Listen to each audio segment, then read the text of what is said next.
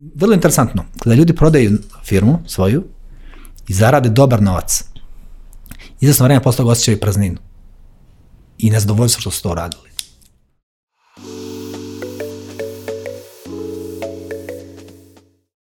Poštovani slušalci i gledalci, dobrodošli u još jednu epizodu Netokracijenog Office Talks podcasta. Moje ime je Marko Mudrinić.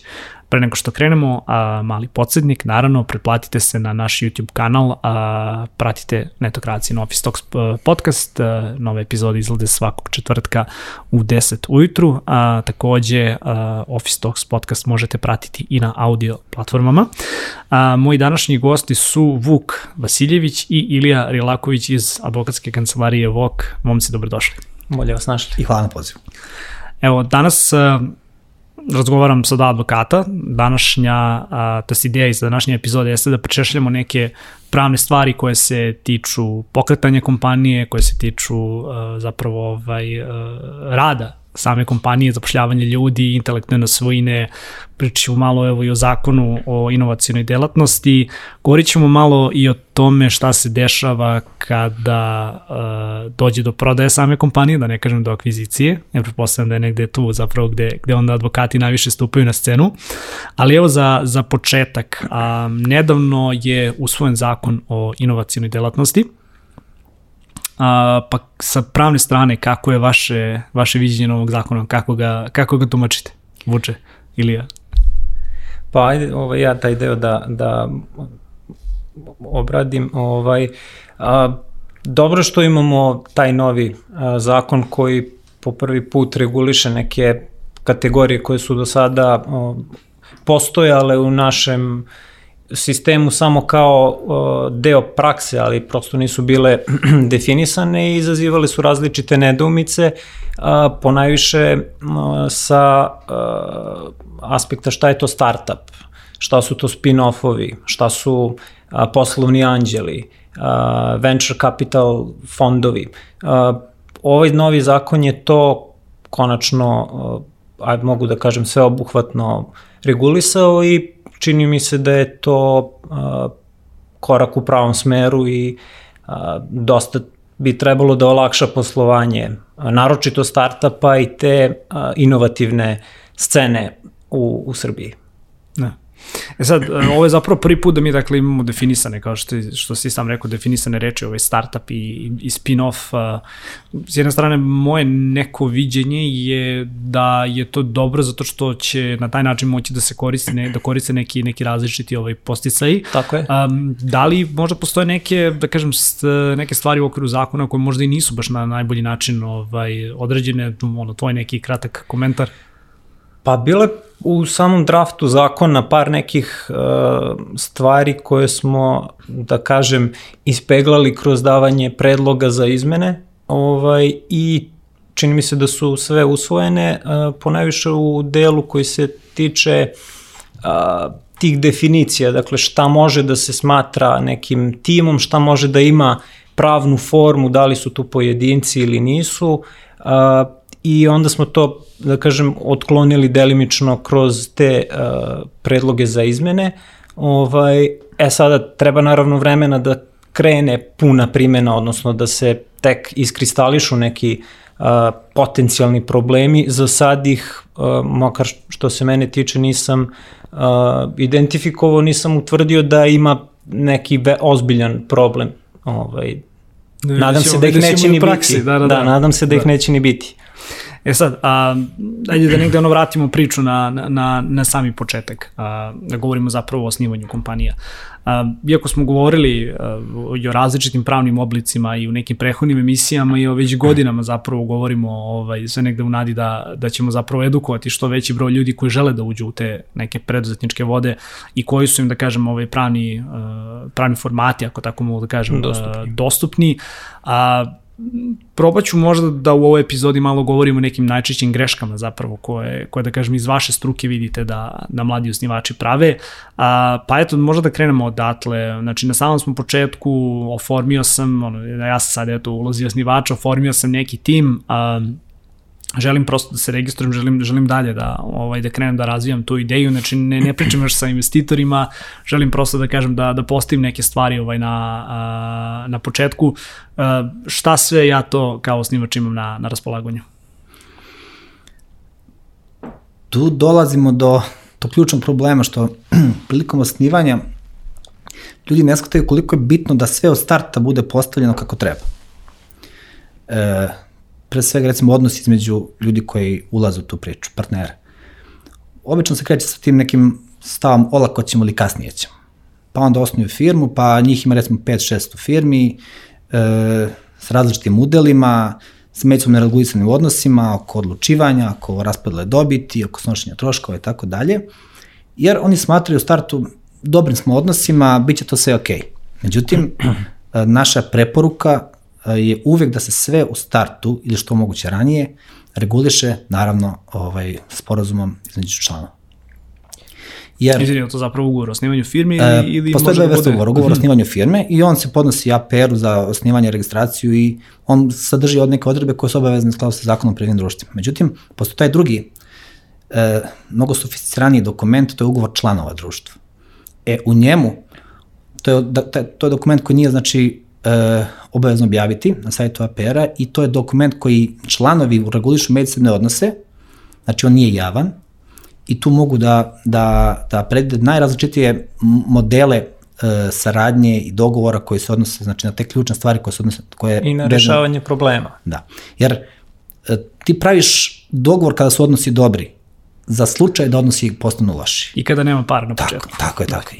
Jer kada postanu, e, kada čak i kada para posle bude, obično se zanemare opet, naše iskustvo je tako, zanemare se ti problemi koji postoje u funkcionisanju. Međutim, kada manje para, kada do, do, dođe do, do manjeg priliva novca, e onda izlaze problemi na videlo i, i ljudi su u šoku i kažu, pa kako je ovo sve već funkcionisalo, pa mi smo se potpunosti, mi smo se različito razumeli prilikom, prilikom osnivanja. Zato je naša preporuka uvek da se sve na papir stavi prilikom osnivanja firme, jer će to posle mnogo lakšati kada znamo na čemu smo, kada znamo prava i obaveze i procedure u okviru uh, funkcionisanja tog društva, našeg zajedničkog projekta, onda je posle lakše sve razmr, razmrsti taj čvor koji često može, mogu ljudi da, da zapadnu. Mislim kao ne kažu za džabe čist račun duga ljubav. Tako je, tako da. je. Ja sad, jako mogu da dodam ovaj, uh, ovome što je, što je Vuk rekao, a, mi smo tu sad već stigli do koraka gde neko se nama obratio, mislim nama ili kolegama ili stručnom savjetniku, a, problem je što često osnivači preskoče taj korak, odnosno a, da kažem, zalete se sa svojim projektom u smislu da li je to kodiranje ili neka druga inovacija a, i ne razmišljaju o tom pravnom aspektu uopšte. I ne posavetuju se na vreme da izaberu ili odgovarajuću formu, da li je to preduzetnička radnja, da li će to biti DOO, kakve su posledice jedno, kakve su posledice drugog, poreski aspekti, pa da se konsultuju sa računovođom, nego to ide on do it yourself. I iz toga često se javljaju ovaj, problemi. Zato ja ovaj, kažem kolegama i sa, sa ljudima koje znam sa, sa vaše scene, bolje sprečiti nego lečiti. Mislim, kada odeš kod lekara kad ti već nešto fali ili te boli, velika je mogućnost da će oporavak da ide mnogo teže. Isto i ovde. Bolje se na vreme posavetovati sa, sa kim treba, nego da posle se uh, vade fleke. Da.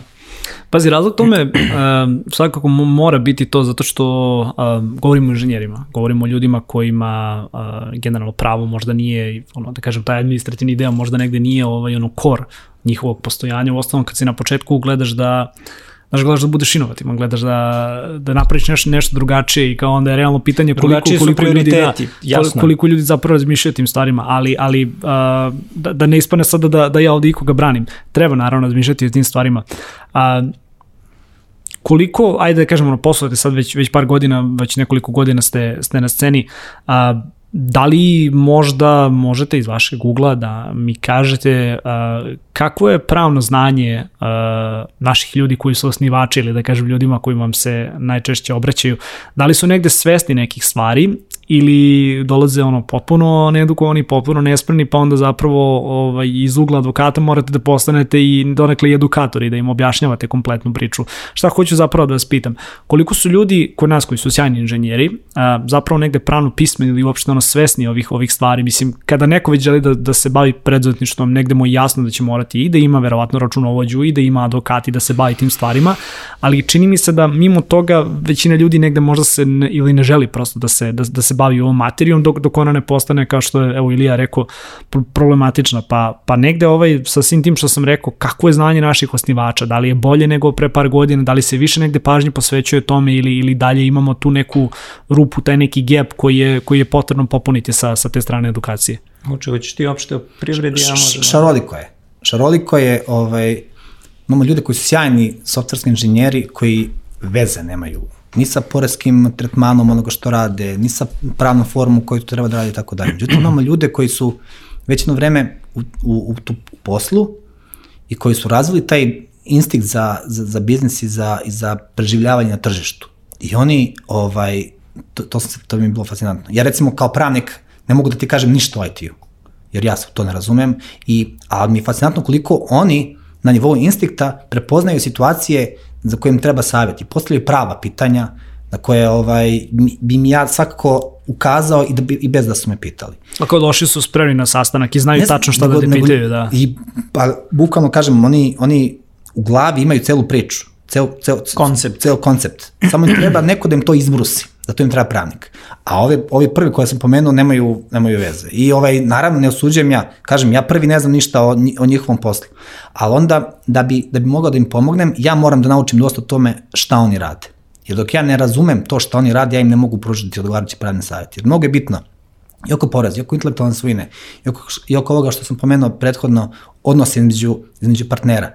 Mnogo je bitno da to sve bude jedna celina koja će odgovarati, da taj moj savjet odgovara njihovim potrebama. A da bi taj savjet odgovarao njihovim potrebama, moram da razumem šta im treba. Kažem, znači, potpuno je š, e, e, š, ima, ima svega, ali kažem, i ova, ova priča oko poreza i oko ovih e, e, freelancera i tako dalje, koja je bila dosta medijski propraćena, već je e, dalo ljudima neki posticaj da razmišljaju i u tom smeru. Znaš šta, mislim da ih je s jedne strane zabrinulo da, da smo konačno došli do jednog problema koji je godinama bio prisutan, ali se o njemu uopšte nije govorilo u, u javnom životu, a svi smo znali ovaj, šta se radi uh, šta se radi, da kažem, negde između redova.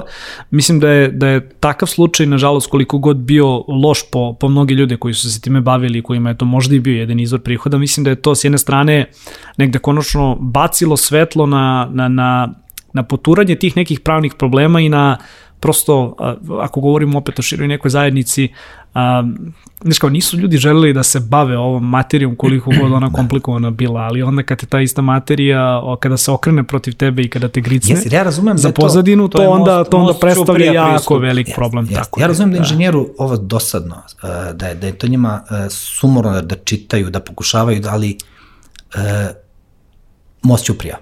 Ako ne platiš sad, platit ćeš posle. Znaš šta, preduzetništvo, je, da, da, preduzetništvo je je skup stvari koje ne želiš da radiš na kraju dana, ako je moraš da radiš. Da, da. Tako, A najbolje ako možeš da učiš na tuđim greškama i mislim da je ovo sa freelancerima generalno za, za IT scenu i da kažem pa i opštu populaciju dosta bilo uh, značajno ovaj, kao neka kolateralna korist, što su, ja se nadam, ljudi shvatili da nije baš sve on, proći će, neće valjda mene i porezi ko to plaća. Freelanceri su pokazali da ipak neko prati šta, šta taj deo privrede radi i da to može da se, da se vrati kao bumerang. Tako da mislim da je taj problem ovaj, podigao svest ljudi, bilo da su preduzetnici ili ne, makar za, za jedan stepen, tako da poznato je šta se dešavalo i onda sad malo su svi, ne da kažem u grču, ali više vode računa. Ja sam baš rad, razgovarao sa dosta ovaj, inženjera, takozvanih IT-evaca, ovaj test samostalnosti što je bio, da li si samostalan ili nisi, pa su ljudi, o, vidiš nesigurnost veliku. Oni su ovaj, ostvarili lepe prihode kao ovaj, preduzetnici i lepo živjeli i, i tako dalje, međutim, videli su da je država pokušala da im zavuče uh, ruku u džep i u tom trenutku nisu znali šta da rade. Čak i nama advokatima u početku nije bilo jasno koji je najbolji način da, da, da im se pomogne. Naravno, posle, posle smo iskristalisali razno, razne rešenja. Ali ovaj, e, video sam potrebu njihovu za jasnim, nedvosmislenim pravnim savjetom koji može da im pomogne. Znači, to je bila baš jedna jasna situacija gde je, mi je pravnik bio zaista neophodan. I ja verujem, i mi smo i dosta prilike da pomognemo i naše kolege, da smo uspeli da kroz neki model, da li kroz radni odnos ili kroz neke druge, druge načine da im pomognemo da, da ovaj, nastave da rade svoj posao najbolje što mogu i da optimizuju, optimizuju uh, svoje prihode i, i, i poreske troškove. Da. A, pa ajde samo kada govorimo i, i, i o samom zapošljavanju, mislim, dosta sad već, ajde da kažemo, ovo već sad treća godina poreskih olakšica, ako se ne varam, 2020, 21, 22. Evo, dobili smo zapravo sa, sa ovim novim predlogom koji je usvojen negde prošle godine I produžetak. još, još produžetak, tako da, ovaj, da kažem, imamo još tri negde ovaj, godine tih poreskih olakšica i kao stvar koju ja negde lično pokušavam da zagovaram, a, ako s jedne strane imamo državu, imamo negde, da kažem, pravnike u sredini sa, sa, na popuno drugoj strani imamo, da kažem, kompletnu privredu, dakle ne samo IT-evce, već i, i ljude koji, da kažem, rade u drugim nekim oblastima, konstantno se svađamo međusobno, pa čak i ljudi unutar, unutar IT-a međusobno, ovaj, da kao taj prevailing question ili ti ta onako glavna, glavno, glavno pitanje, glavna diskusija. Ne treba uopšte da se vodi oko toga da li je neko plaćao manje ili više poreza, nego treba da se vodi kolektivno oko toga da li je činjenica da država uzima 65% ovaj, da kažem, ovaj, od nečije plate, to je da kažem za, za poreze i doprinose, zapravo iznos sa kojim a, i IT, ali i druge neke privredne grane, pogotovo sada u doba pandemije, mogu zapravo da se nose na, na, na pravi način. I to je pitanje koje, nažalost, ovaj, evo da ne sad ne ispanem baš ovako toliko snishodljivo, ali mimo ovog podcasta redko ko, redko ko negde, ko negde postavlja u javnosti, što mi je, što mi je jako čudno, ali dobro, imamo još tri godine pa da vidimo, dokle da vidimo stići, dokle da. ćemo, da. A, ali eto, i kada govorimo a, zapravo i o snivanju i o zapošljavanju, koje su neke najčešće greške koje vi opet da kažem sa, sa strane advokata zapravo vidite da, da ljudi prave, da li je to opet zbog neke poreske optimizacije, ako tako mogu da kažem, ili zbog neke troškovne optimizacije, da je to možda ovaj unajmljivanje na nekim kratkoročnim projektima paušalce, znaš, da, da, kako je na primjer taj odnos regulisan, opet zašto je to dobro ili loše, govorit ćemo malo i o, da kažem, IP-u i o nekim stvarima kada kada na primjer ovaj paušalac radi na projektu, zašto je to da kažem možda, možda ovaj nije najbolja stvar, A, ajde, ajde da kao malo i taj, taj deo ovaj, obradimo. Koje su neke zapravo najčešće greške koje, koje mladi, neiskusni osnivači prave kada, kada je u pitanju ovaj, ono, njihov prvi startup? Pa ovo što smo, na, čini mi se, pomenuli, odlaganje tog savetovanja, bilo finansijskog ili pravnog, da utvrdi šta on zapravo hoće, šta je ideja, da li će on da razvija neki svoj projekat, odnosno neku svoju intelektualnu svojinu, a, svoj neki proces ili će da nastupa kao a, podrška nekom većem projektu, ovaj, odnosno da bude u tom servisnom sektoru. A, možda kao jedan od glavnih problema je ako se radi o zaštiti intelekt, odnosno razvoju intelektualne svojine, ovaj, da se kasni sa, sa zaštitom. Primjera radi, um, ako razvijate neki patent u poljoprivredi ili u farmaceutskoj industriji, a, sve dok ga ne, ne zaštitite kod odgovarajućeg državnog organa, vi ste izloženi riziku da to neko ili paralelno ovaj, radi, pa nisu redki slučajevi ovaj, kongenijalnosti, ovaj, da se istovremeno otkriju neke stvari, onda tu a, ima pravo prvenstvo onaj ko je prvi predao zahtev za, za zaštitu. A, osim toga, to može da ima efekta i kasnije na, na prodaju. Dakle, ako vi imate zaštićeno neko pravo, bit će vrednije nego ako je samo kao koncept koji radi, ima smisla, ali nije, nije zaštićen i možda je neko već podneo prijavu pa je možda vaš trud bio uzaludan jer ne može da ga komercijalno da. iskorišćavate. A, ne znam, možda Vuče ti možeš o pisanim ugovorima da kažeš nešto više, tu imaš dosta i lepog i lošeg ugovore. iskustva. Ja ne krčim nikad sam svoju kuću, ti sam popljan sebi zub. Znači, o, Čekaj, uh, osnivači sami pišu svoju ugovor. pa da, piše ugovor o pružanju usluga, it ugovor, ugovor o radu i kaže ima na internetu. Ja zna, Tipski, a ti, čekaj, ti govoriš o, o tipskim ugovorima. pa ne samo, pa, e, ugovor o radu može da naći na internetu, Da. ali ta, ta radno pravna materija je toliko osetljiva i toliko može da nanose glavobolje sutra osnivaču sa, u odnosu sa zaposlenim da to ovaj, svašta viđamo. I što se tiče zabrane konkurencije, što se tiče zaštite poslovne tajne. To su, jedan, to su vrlo osetljive stvari i zahtevaju taj filigranski pristup. Ne mogu ja sada, ne možeš ti uh, da, da, zab, da klauzulom zabrani konkurencije, znači ako radi za tebe, da ne može za drugog, ne možeš da obuhvatiš sve. Da, radnik, da, radnik na kasi ne može da ima sigurno isti ugovor kao neko ko, ko razvija softversko rešenje. Tako je. Znači, i, e, sad se opet vraćamo na, na taj početak priče. Znači, mora e, da se, e, ako ulaziš, ulaziš u priču i osnivaš startup, e, mora da, da imaš jasnu viziju i perspektivu toga šta želiš i kako želiš. Nakon toga to što želiš da podeliš sa svojim savjetnikom pravnim i finansijskim i da onda napravite zajedno konstrukciju koja će najviše odgovarati tvom poslovnom poduhvatu koji želiš da ostvariš. Ovako stihijski pristup, ajmo, naćemo na netu ugovor o delu, ajde naćemo na ugovor poslovno tehničkoj saradnji, im- ima toga na internetu, ali to je, ovaj, to je, to je e, siguran put u, u, u ne, U neki problem u perspektivi. Ne, ne kažem da život bez nas advokata ne može da postoji, daleko od toga. Ovaj, za jednostavnije stvari zaista mogu ljudi sami da se snađu. Međutim, e, ono što ti se čini jednostavnim, često je, često je, često je komplikovano. Ono što se čini komplikovano na početku može da bude vrlo jednostavno. A advokat je taj koji sa iskustvom u tome, u toj oblasti, može da, da proceni e, šta je to što tebi treba. I zato kažem, e, ako se sve strukturira na početku kako treba, ako se temelj te kuće koji praviš bude stabilan, jak, posle te zidanje, zidanje nije problem. Brzo će se doći do krova.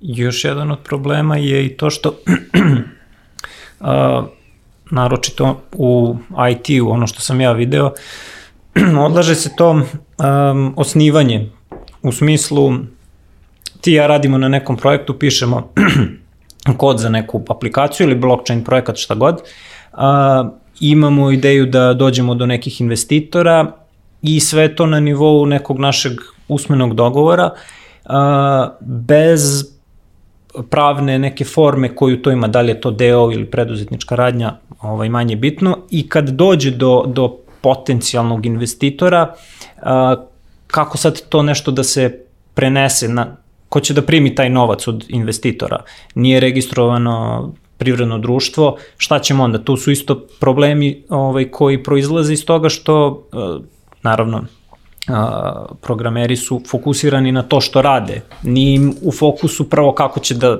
registruju firmu, ali opet se vraćamo na to, to je bitna stvar. Naročito ako je neka inovacija u pitanju, jer treba posle sprovesti neki pro, postupak i prode ili prenosa tog prava ili registracije. A, problemi se dešavaju na, na tom terenu kako ćemo mi to da, da zaštitimo, šta ćemo sad? Kad se propuste ti neki, neki početni, početni koraci. Da.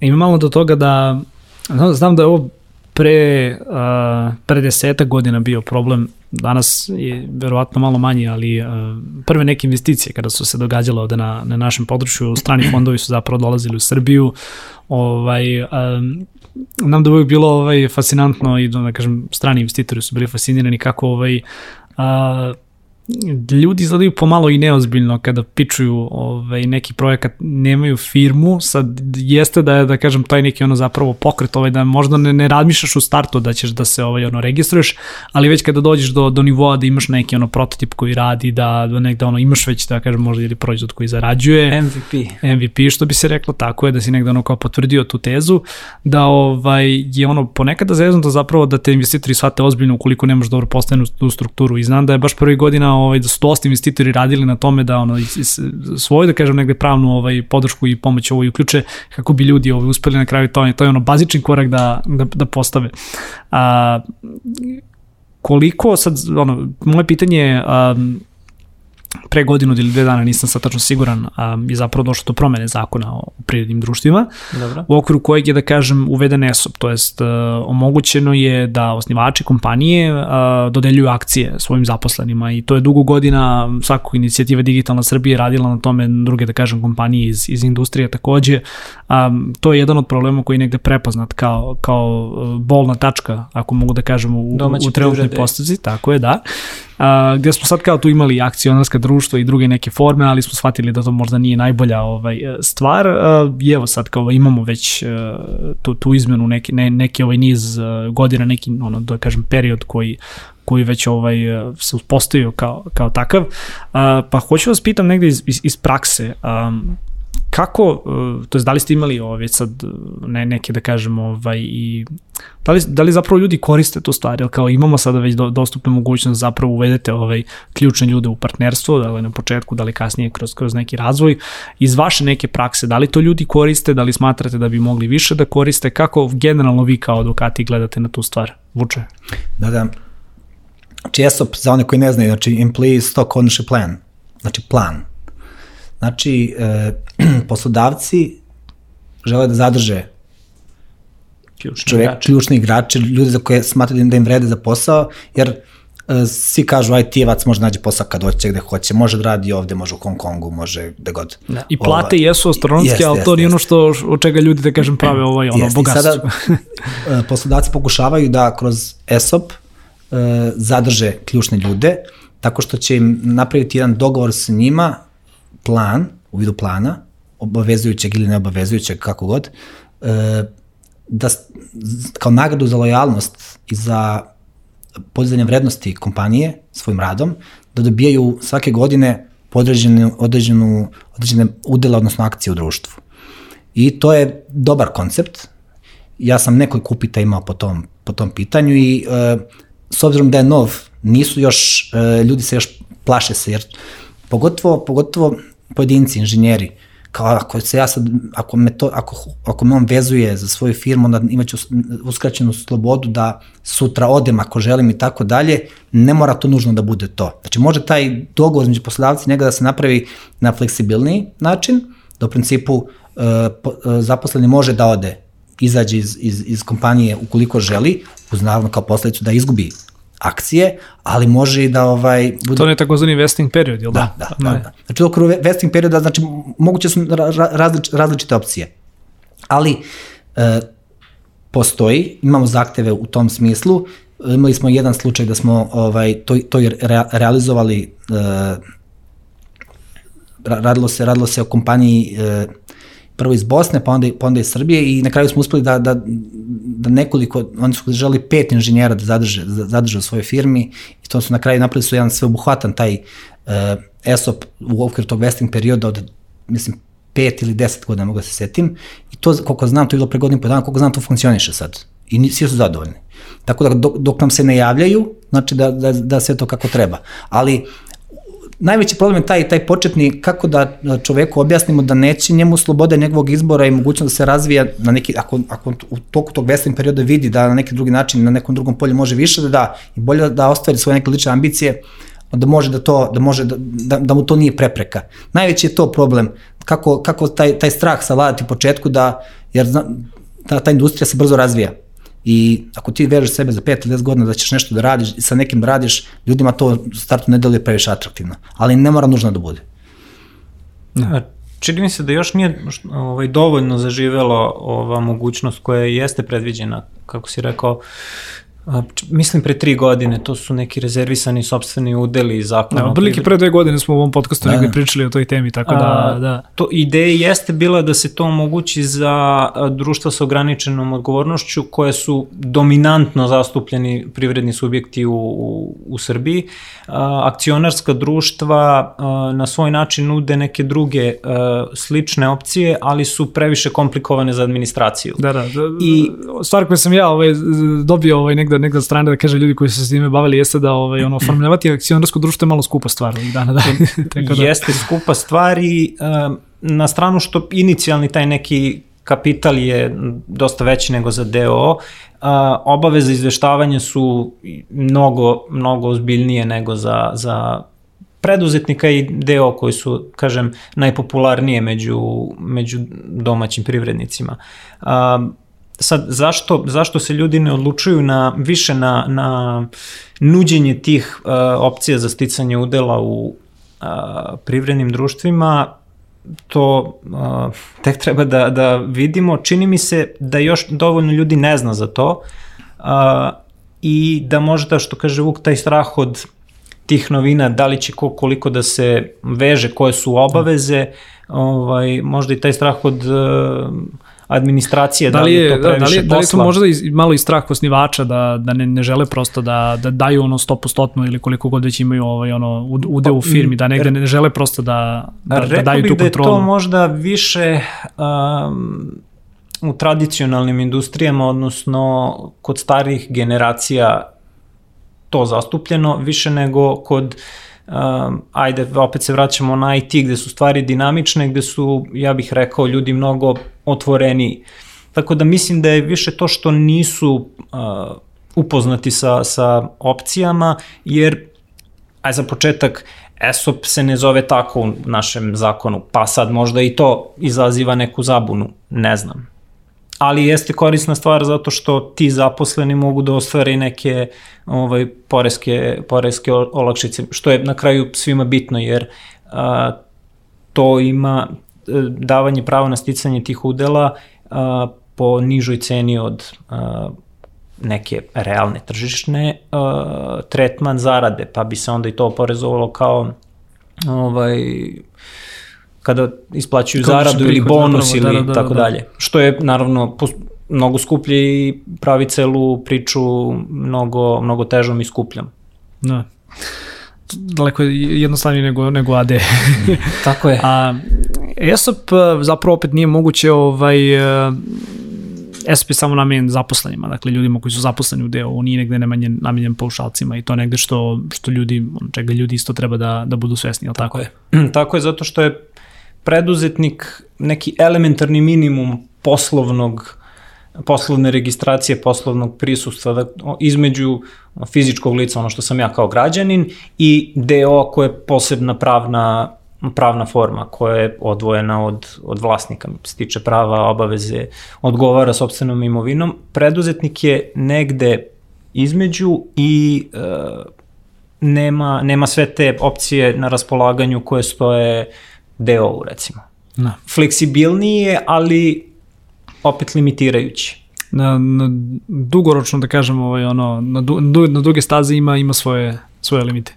I Tako za je. svoje poslane dogovara celokupnom ličnom imovinom. Tako što je. je najveći problem. Što je isto jako bitna stvar, malo ljudi to zna. Ovaj, ajde malo da, da pojasnimo i zapravo šta, šta to znači. Ovaj, dakle, ja kao osnivač DOA to društvo, da kažem, raspolaže isključivo sa imovinom koja se, da kažem, nalazi u, u, ovaj, u vlasništvu uh, tog zapravo, ovaj, da kažem, društva sa ograničenom odgovornošću. Mislim, sam naziv se, mhm. se negde govori. Uh, ali ja kao preduzetnik, gde se, na primjer, nisi imao klijente 3-4 meseca, kasnim sa porezom, taj porez se nagomila, ja odgovaram, na primjer, posjedujem da li stan, da li auto, drugu neku stvar, ja odgovaram sa svom ličnom imovinom, pa možda buče da nam malo i objasniš neke, neke da kažem, ono, primene ovaj, tih da. pravila u, re, u, u realnom životu, da ga ne kažemo znači, u, u praksi. Za dugo je kosaš kao preduzetnik, toko poslovanja kao preduzetnik, odgovaraš sa svojim sobstvenim stanom koji glasi u katastru na tebe kao fizičko lice. To je ozbiljna stvar i to je ozbiljna izloženost riziku. I zbog toga je postoji društvo sa ograničenom odgovornošću, znači da ti odgovaraš do visine svog uloga. Znači, osnoveš firmu, uložiš 1000 dinara, stekneš 100% u tom, u tom društvu i e, firma sve što ostvari i sve što se zaduži u toku svog poslovanja, to je njeno. I odnosi se samo na ona je u dužničkom porodičkom odnosu sa ili poreskom upravom ili sa trećim licima i tako dalje. Kad te neko tuži za dug, tuži firmu, ne tebe. Sutra, kada bude taj dug trebalo da se naplati, ne može doći do tebe kao, kao fizičko lice osnivača, osim ukoliko se vrše neke zloupotrebe, to je taj neki piercing corporate veil. To je institut koji je vrlo bitan za, za poslovanje tih društava sa ograničenom odgovornošću da e, koji postoji u evropskim pravima i koji, nažalost, kažu, kažu da je, da je društvo ograničenom odgovornošću sahranilo našu privredu. To ljudi kažu sa dosta iskustva u poslovanju zbog čega. Ljudi se zaduže Da, imamo, imamo slučaj, ovaj, čak i, I- ljudi na nekim em- eminentnim pozicijama Da. sa, sa više firmi, blokirani računi, milionski dugovi, ali oni najnormalnije ovaj, dalje šetaju, da. E sada, ali taj, taj uh, proboj pravne ličnosti, kako se kaže ovaj, u, na, u našem pravu, znači omogućava da ukoliko trećem licu koji je poverilac tvoje, tvog društva, čiji si vlasnik, da ukoliko si postupao sa imovinom tog društva kao sa sopstvenom ličnom imovinom, i ako se radi o druge zloupotrebe, kao, da, si, da si radio kao da, da si ti, e, kada je to tvoje, tvoja lična imovina, onda postoje pravni mehanizmi kako taj poverilac dođe do, do tvoje imovine lično. I onda je to, je, to je jedna brana, jedan safeguard za, za, za vršenje zloupotreba kao u svojstvu vlasnika osnivača firme. koji se nažalost po mom saznanju redko Nažalost, to se kod nas ne primenjuje da. i osniva ljudi pod, što kažeš ti, 5-10 firmi Da. da. i samo, samo i- idu furaju dalje, zadužuju jednu, rade preko druge i to tako funkcioniše i kad nemaš taj korektivni mehanizam, taj probaj pravne ličnosti, onda je deo ovaj, je pro- problematičan kao, kao takav. ovaj, što bi rekao Luj 14 i sad malo da preradim za potrebe emisije, firma to sam ja. Tako, da. tako kod nas ovaj, ljudi to vide. Kod preduzetnika jeste zaista, to je one man show i zaista on jeste firma jer odgovara celokupnom imovinom. Problem je kod DO-a što a, postoji ta granica između mog privatnog i ovog što je a, vlasništvo tog društva, a, ali opet kad si ti osnivaš DO i direktor i opet se svodi na one man show, a, problemi nastaju kad ti zloupotrebljavaš to za razno razne stvari, što je jako popularno, nažalost, u našoj praksi. Da. ali ne funkcioniše. I onda ljudi na taj način su moguće razne zloupotrebe strane osnivača. Ne, slušam pažljivo uče šta, šta mi priča, kao, sam mi jasno kao zašto, zašto kao gomila ljudi vozi ovaj kola na leasing i zašto, zašto, zašto stanovi i kuće Tako na, je. na gospođu. Tako E, je. u, Da. baš zbog toga. a, a, znaš šta, aj- ajde da, da popričamo i o tome kao, a, Mislim da negde možda percepcija ljudi ovaj kao da je deo sad ono kao moraš da platiš advokata, pa moraš da imaš knjigovođu negde, znaš ono kao kumulativno gledano da postoje tu neki, neki troškovi, ali kao ta lakoća zapravo rada ovaj, a, da kada osnuješ deo da zaista te manje boli glava za, za, za neku stvar i da je mnogo lakše zapravo možeš da napreduješ u to nekom poslovnom smislu. Mislim da je to opet jedan aspekt koji da kažem domaći makar osnivači često, često ovaj, smaknu, smaknu ovaj, Smetnu po suma. strani, da, smetnu suma. A, ali znaš šta, imamo, imamo tu i ovu zanimljivu stvar sa, sa ovim testom samostalnosti, da kažem, sa sa, sa određenim sad već brojem ljudi koji mora da napravi ono kao one man deo, što Da, da, nije ni to baš da kažem negde idealno rešenje i, znaš šta, opet vraćam se, vraćam se na, na, na ovo moje ono kao krovno pitanje, um, ako su nam već porezi i doprinosi toliko visoki, mislim da tu treba definitivno postoji više negde ovaj, ono, uključivanja samih ljudi koji su nažalost pogođeni ovom situacijom da ukoliko zaista imaju samo jednog klijenta u inostranstvu ili imaju nekoliko klijenata da treba da postoji ipak neko rešenje da li oni opet treba da budu ovaj, paušalci, a da ne budu baš samo ono one man deo. Pa jeste, ali to je više ovako a, stvar neke generalne strategije ili možda plana kako da se te stvari rešavaju. Ovaj, verovatno bismo ostali do preko sutra sad diskutujući Da. o potencijalnim rešenjima šta bi moglo da se promeni. Ta, te samostalnosti je tu pa je tu.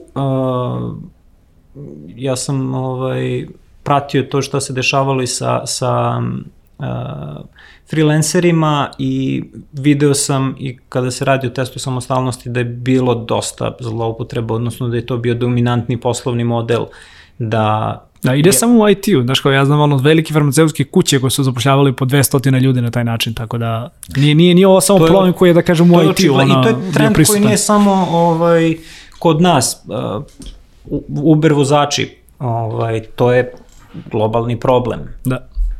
Da li si zapravo kontraktor, dobavljač ili si, Tako, ili si zaposlen? zaposleni. Mislim, sve liči na to da si zaposleni, a u stvari nisi. Da. da. Pazi, Poreska politika države je to jedna vrlo osetljiva stvar i nju treba da osmisli neko ko zaista može da stekne celokupnu sliku o tome kakvi efekti mogu da se postignu.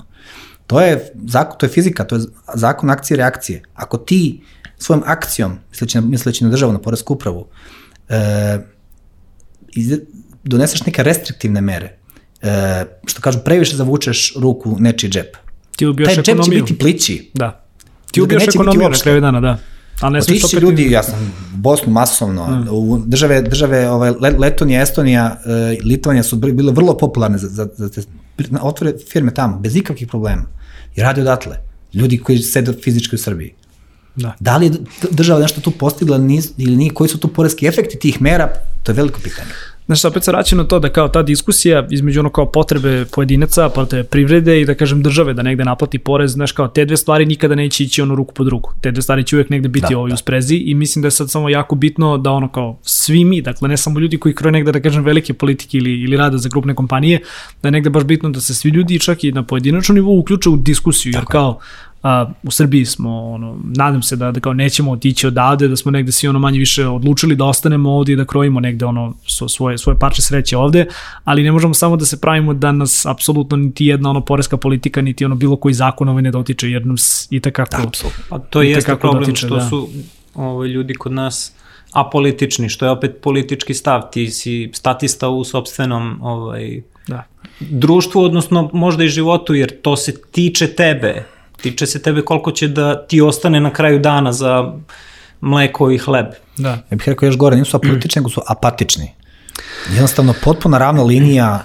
Evo sad, mislim, primjer su ove ekološke proteste. Ja sam vrlo prijatno iznenađen da su ljudi konačno oko nečega se složili i, i, i ostali. Malo se, malo se svest probudila, ali da. im, ima tu i jedan stav da, da uglavnom kao slušam ljude, jer kao to su moji poznanici i bi- prijatelji na kraju dana kolege, pa ali nije moj, znaš kao, ja samo želim da radim svoj posao i da, i da me niko ne dira. Tough shit, not gonna da, happen. Da, da, da. Ne, ne u ovoj državi, ne, ne, ne u ono, ba, mislim, i nije to samo problem Srbije, to, to vidimo da je svuda, da je svuda, da kažem, ono problem, mislim, generalno, poslovanje postaje komplikovanije ne samo u Srbiji, nego svuda, svuda u svetu i kao koliko god negde tehnologija prati razvoj i društva i, i negde naših potreba i mogućnosti da radimo te neke inovativne poslove, mora s druge strane da postoji jasna, ono, ako ništa, diskusija kako će se te potrebe dalje ovaj, u ono, nekom pravnom sistemu jedne države ovaj, i registrovati A osam za to su, da postoji poverenje između privrede i druge države. A to je zapravo problem. To A problem. tu poverenja nema. Sad sam Da. da. nedavno bio u Norveškoj 15 dana. Razgovarao sam tamo s ljudima koji, koji, koji, se, koji imaju posao tamo. Ništa im je problem da plate. Apsolutno, kad imaju instrukciju, na Norveškoj su ogromni porezi doprinosi.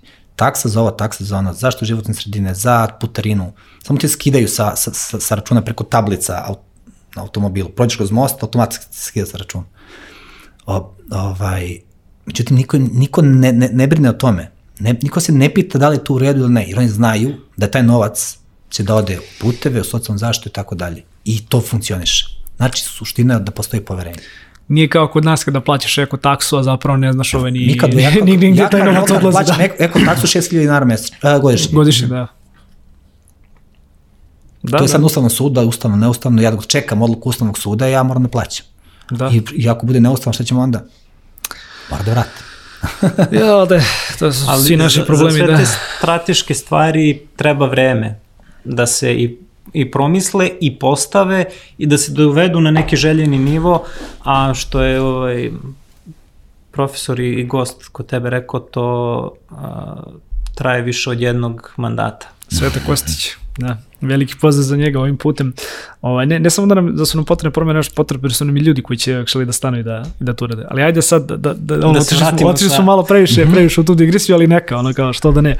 A, imaš jedna stvar koju, kod ko, koju smo negde ti, ili, ti ja ili zapravo ovaj, ono, i, i pričali kada smo, kada smo ugovarali ovu epizodu gde je meni da kažem bilo negde ovaj kao najviše interesantno da pričamo o tome, pa evo ostali smo negde za, za taj kao poduži kraj, to je svakako akvizicija kompanije. Govorili smo dakle o svim ti nekim stvarima koje ljudi ovaj, ono, moraju da ispune na početku, moraju da ispune ono, tokom svog da kažem poslovanja o kolektivnim ugovorima, mislim o kolektivnim ugovorima, ali o ugovorima, da kažem da se se negde postavi na zdrave neke osnove posle par godina, ono, posle par investicija, eventualno, znači, ono, odlučimo da, da prodamo kompaniju. A, da li ste imali, da kažem, već ono, uh, primere da učestvujete zapravo u nekim akvizicijama? Uh, i ajde da eto negde kao krenemo odatle, jer mi je uvijek fascinantno ovaj, kad god ovaj, se desi, da kažem, neka, neka velika vesta, neka velika akvizicija, a imali smo ih evo prošle godine sad ovde, ovde u Srbiji i nadam se da ćemo ih imati sve više a negde u drugom planu zapravo ostaju ljudi koji su koji su radili na na tim pregovorima da kažem čitava da kažem ovaj vaša vaša struka A, pa evo da krenemo kao kako, kako izgleda kada vam se obrati klijent i kaže imam zahtev za da prodam firmu. da prodam ili da kupim? Da prodam. Da prodam. Da. O, zapravo imam zahtev da me neko akvizira, jel da? Da. da. Ovaj, sad se opet vraćamo taj početak. Uh, ukoliko taj ko sada prodaje firmu napravio zdrav sistem, bez repova što tiče i pravnih i poreskih i, uh, i bilo kakvih drugih, ta prodaja će dosta lakše Ja sam dosta zastupao i prodavci i kupci, različite, različite su, različite su, različite su iskustva. E, ono što prodavcu preporučujem jeste da uradi taj e, e, vendor due diligence, znači taj -hmm. due diligence koji će ga pripremiti za prodaju. Da on, e, obično ljudi koji, pogotovo ako imaju dosta zaposlenih, ako imaju dosta transakcija, ako imaju dosta ovaj, e, i plaćanja i tako dalje, e, ne znaju pravo stanje svoje firme i ne mogu da, samim tim ne mogu da proceni koliko ona vredi. Ako uradi taj prodajni due diligence, e, ima, imaće uvid u ono šta im fali, da li da sačekaju ili da krenu odmah, ukoliko treba nešto da se ispravi, neka, ne, neke nepravilnosti i tako dalje, onda možda bolje izabrati neki drugi trenutak, ali svakako predlažem, znači onaj ko hoće da proda investitoru uh, udelu, udelu, udelu svoje firme, svom društvu, treba prvo da vidi sa čim raspolaže. Šta je to što prodaje? Jer nas, kada on ima so, jasnu sliku onoga što posjeduje, e, da li ima neke probleme ili nema, i ako te probleme koje ima reši među vremenu, onda će mnogo lakše da nastupi, na, lakša pregovaračka pozicija će, će mu biti prilikom prodaje toga, jer imaće odgovor na svako pitanje kupca. Znači, to je moj prvi, to je moj prvi savjet za onoga ko prodaje firmu. Da, da sad pojednostavim priču, to ti znači da imaš čistu servisnu knjižicu, da si auto... Da si počisti ispred svoje kuće. Tako je, redovno ovaj, servisirao, da pre nego što odlučiš da ga prodaš, da kod majstora proveriš još jednom gde škripi šta fali da bi postigao bolju cenu yes. i da bi uopšte mogao da ga prodaš. Ja deslam se mnogo puta, otkud to kod mene, pa ja to nisam znao. A oni su, kupac radi due diligence, a ti nisi radio due diligence svoje firme. I onda je on ustanovi razne pravilnosti, da. za koje prodavac nije znao. U tom slučaju prodavac će da naiđe na mnoge probleme i onda prodavac, na kupac ima bolju ugovornu poziciju i može da spušta cenu, može da, da ga ucenjuje sa ovim milionim, da se određen iznos novca. Tako da ne može da odustane. Pa da, da. da. da. Tako da, to je, pre, to je preporuka broj 1. Da, sa aspekta prodavca. Prodavca, tako da. da. da. A za kupca naravno da zna šta kupuje, da ne bude mačka u džaku, da, da. se ne otvore problemi gde... Kako negde, opet ajde možda da probamo da kao govorimo o, o našoj IT industriji, kako negde zapravo izgleda taj, taj due diligence, ovaj, kao koje, koje su uključeno, da li su to revizorske kuće, da li opet imamo da kažemo advokate koje ono sačešljaju, da kažem tu neku internu dokumentaciju, zapravo pokušavaju da, da stvore što bolju sliku o tome kako izgleda jedna organizacija, kako ona posluje, Due diligence, to je malo, malo rogobatani naziv. To naši, Kako bismo to prebili za prvo Pravni izveštaj. Pravni izveštaj. Ili izveštaj o poslovanju. Dužna pažnja. Ovaj, i, Sviđa mi se. I on se stoji, on može da bude, znači, ovaj, taj, za, različite forme tog izveštaja mogu da budu. Mogu da budu samo takozvani red flag. Izveštaj koji navodi samo ključne tačke, sporne tačke koje treba uzeti u obzir, koje kupac treba da uzeti u obzir prilikom kupovine. A može da bude taj deskriptivni opisni. Puni izveštaj, puni gde izveštaj, se po svemu Gde se analiziraju i, do, i sve, sve, svi aspekti poslovanja, i radni odnosi, i imovina, i dužničko-prodavački odnosi, i ugovori sa pravne strane, a pored toga, e, obično se angažuje taj finanski savjetnik koji, e, koji kontroliše poslovanje i, i, i poslovne knjige i poslovne rezultate e, targeta takozvanog. Tokove novca, gde, da li ima nekih problema, da li je ovaj, postoje neki taj money stream bio u pogrešnu stranu ili loš ili postoje neki skriveni gubici ili uh, te neke nagazne mine na koje, na koje treba da se ovaj ukaže kupcu da bi prosto... Da li neko izlačio, ono, našim, našim rečkom, da li neko izlačio pare da nije trebalo. Da. I kupac sada dobi pravnješte, dobi finanski, može poreski uz to da ide i na osnovu toga vidi ovaj, šta je to što on kupuje. I ako tu nekih problema ima, onda, onda, onda ima raz, različitih mogućnosti kako da se ide u transakciju. Pa onda ovaj, može recimo te neki, te neki problemi koje se identifikuju tim, tim uh, izveštajima mogu da utiču na umanjenje ili korekciju Cenu, cene, da, da. a može da, da se napravi mehanizam da se recimo plaćanje određenog dela cene, na primjer 10-20%, koji će da pokrije neki rizik, recimo porezki dug koji zastareva za 5 godina i kažemo ovako, poreski dug je određena cifra. Ajmo taj iznos poreskog duga ili poreskog rizika. Znači nije identifikovan kao dug, ali postoji rizik da se može da se može da se može da to može biti poreski dug. Ajmo sad taj iznos sledećih 5 godina da držimo na pos, računu posebne namene. Mm -hmm. Pa ako poreska uprava utvrdi utvrdi da, da ovaj, imaš poreski dug, novac se plati s tog računa, ako ne, posle 5 godina novac može, može da podigneš. Znači, različiti mehanizmi zaštite kupca imaju, u, u, ali to se sve dešava u okviru transakcije nakon što se sprovede ta due diligence faza. Da. E sad kao, um, ajde na, na primjer probamo da pričamo o tome da, da, da moju firmu, znači moj deo negde pokuša da kupi strana firma, a, znači svi odnosi su, da kažemo, jasni i sve negde manje više stoji na papiru. Evo neka bude, na primjer, ja, ja onako 100% vlasnik, vlasnik svoje firme. Da možda probam sad i da, da demistifikujem malo taj deo oko, oko poreza. A, prodajem firmu, na primjer, za milion dolara, evra, čega god. A, Znači, svoje, da kažem, što prebacujem isključivo ovoj strane firmi, sad negde možda za potrebe, da kažem, ovog podcasta, možda i nije bitno da li ostajem dalje ovaj, ono, zaposlen u toj firmi ili me druga firma ovaj, zapošljava, A, kako negde zapravo izgleda, izgledaju, da kažem, te transakcije? Da li, da, da, da li ono ja za prodaju svog 100% udela dobijam, da kažem, račun negde na, na svoj privatan račun ili, ili ko, ko se da kažem, kako se da kažem, uglavnom negde najčešće ovaj, ono, uh, dešava? Mislim, kako se čitava situacija ovaj, odigrava? Da li ja onda kao osnivač zapravo imam, ovaj, sam dužnosti, da kažem, da platim neki ovaj, ono, porez, pa ajde malo da, da pakar probamo da, da načnemo i, i tu temu. Kad se prodaje udeo u firmi, da. ne, nema obaveze plaćanja poreza. To je porez postoji porez na prenos apsolutnih prava od 2,5%. Međutim, kad se predaje, prodaje udeo u firmi, taj porez se ne plaća. I to je još jedna zgodna... Uh, ili se plaća porez na kapitalni dobitak, sad zavisi ako ga da, ima. To je druge, da, to je druge fazi. E, znači, porez na, apsolutno, porez na prenos apsolutnih prava se ne plaća. Međutim, ukoliko si uh, u tu firmu uložio 100 dinara, a sad si prolaz za milion evra, onda razlika između... Ono, 100 dinara i koliko to je zapravo da, da na koji plaćaš. Na to mora da se plati porez. Tako, i to ti prijavljaš kao...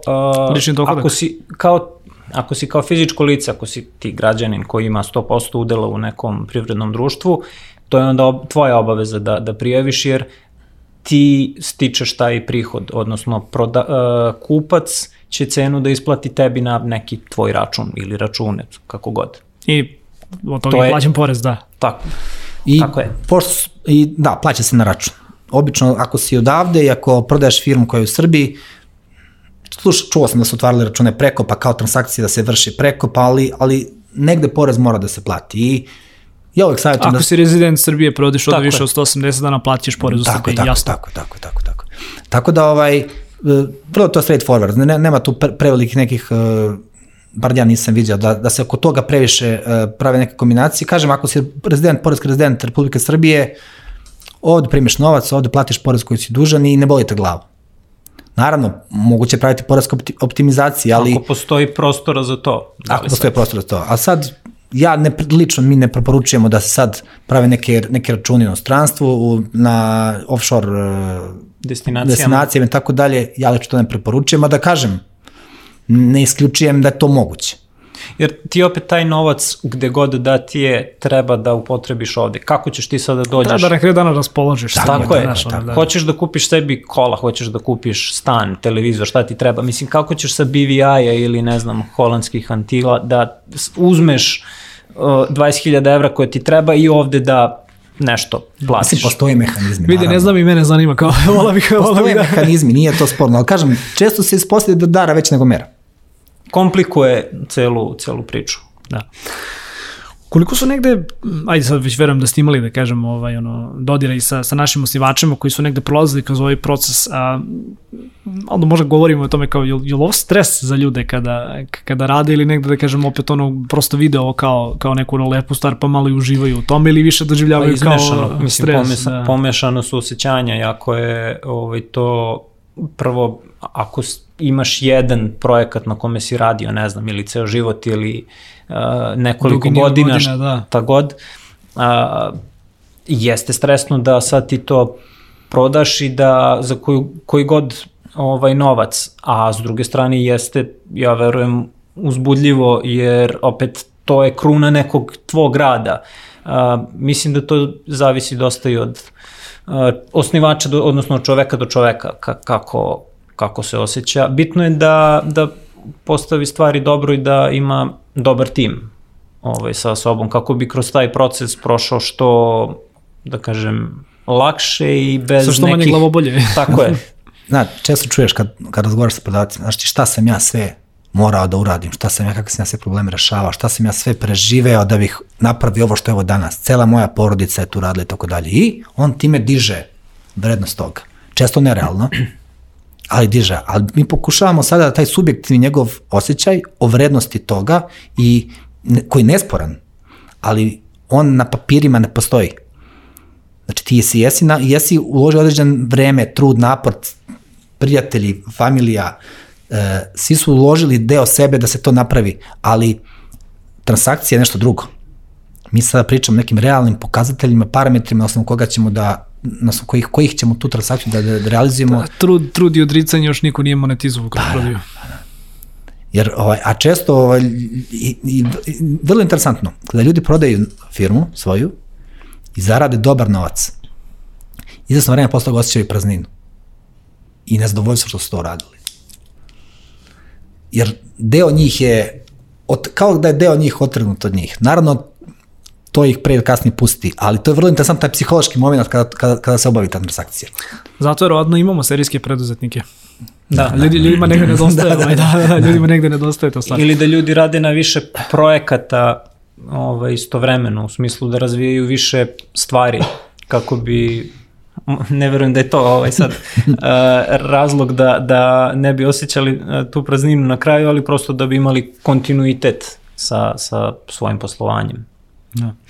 Evo za kraj još jedno pitanje, a vremenski negde, negde gledano sad, ono, prepostavljam da je svaki slučaj opet, ovaj, kao i svaka firma, negde specifična samo sebi, ali ovaj, od tih nekih inicijalnih ideja, hej, ono, ušli smo u pregovore o akviziciji, a, pa od due diligence-a, da kažem, do, do ovaj, ono, ponude, kontraponude, pa do finalnog, da kažem, nekog ugovora, Ko je neka vremenska istanca? Da li ovde govorimo o par nedelja, o par meseci, o par godina? Verujem da sigurno, evo kao primer Nordeusa, verujem da je sigurno jedan, da kažem, ova jedna akvizicija te veličine sigurno nije mogla biti ispregoverana kao da je neko kupovao jednu manju Tako firmu je. ovde, ovde u Srbiji i mnogo više, da kažem, nekih pokretnih ove stvari koje, koje taj ovaj dogovor čine, čine kompleksnijim, ali neko prosečno vreme, ako, ako možemo da govorimo, ili koje su neke stvari bez kojih, kažem, prosto ono, bilo koji ono dogovor ne može da, da, da, da prođe, a ovo drugo su da kažem pa se moj utisak dodaci. je da, da bez par meseci ne može.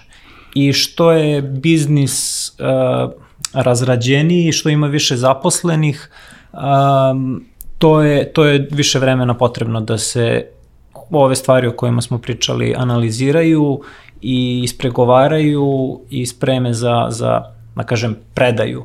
Uh, više vremena je potrebno.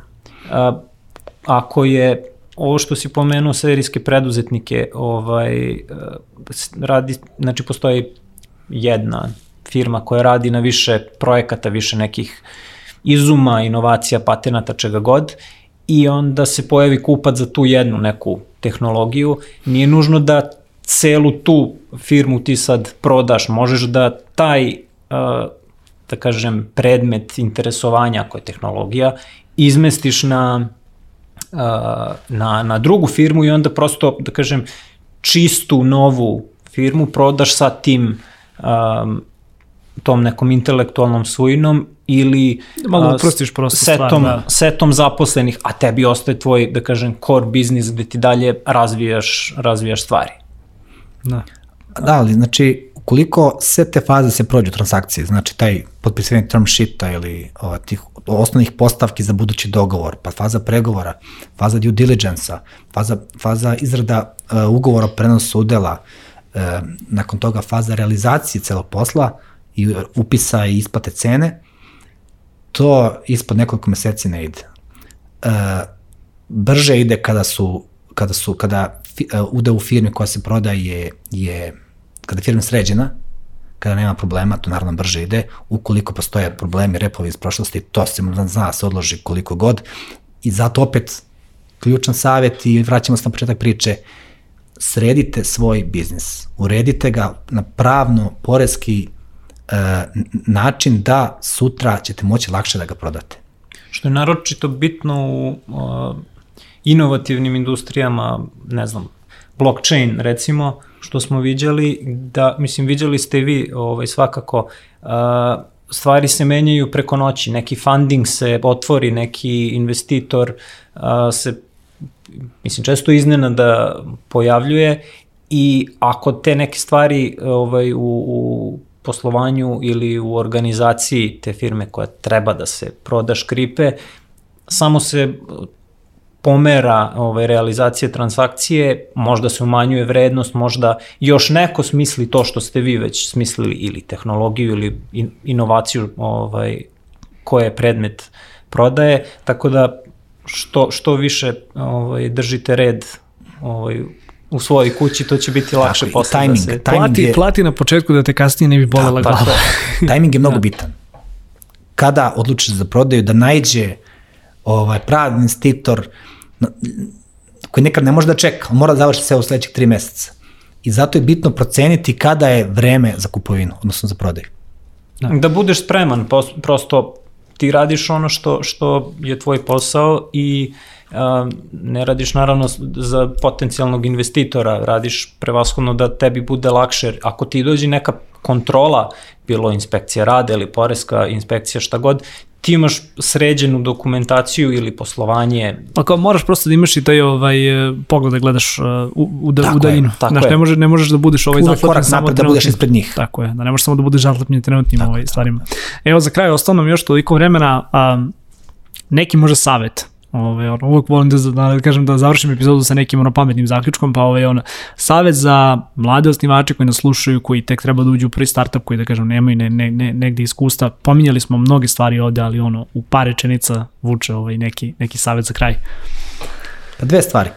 Krenite, dobro je vreme, dobro je, dobro je uh, okruženje za, za, imamo sad i novi zakon za startupove, krenite tu priču, go for it, ali pažljivo.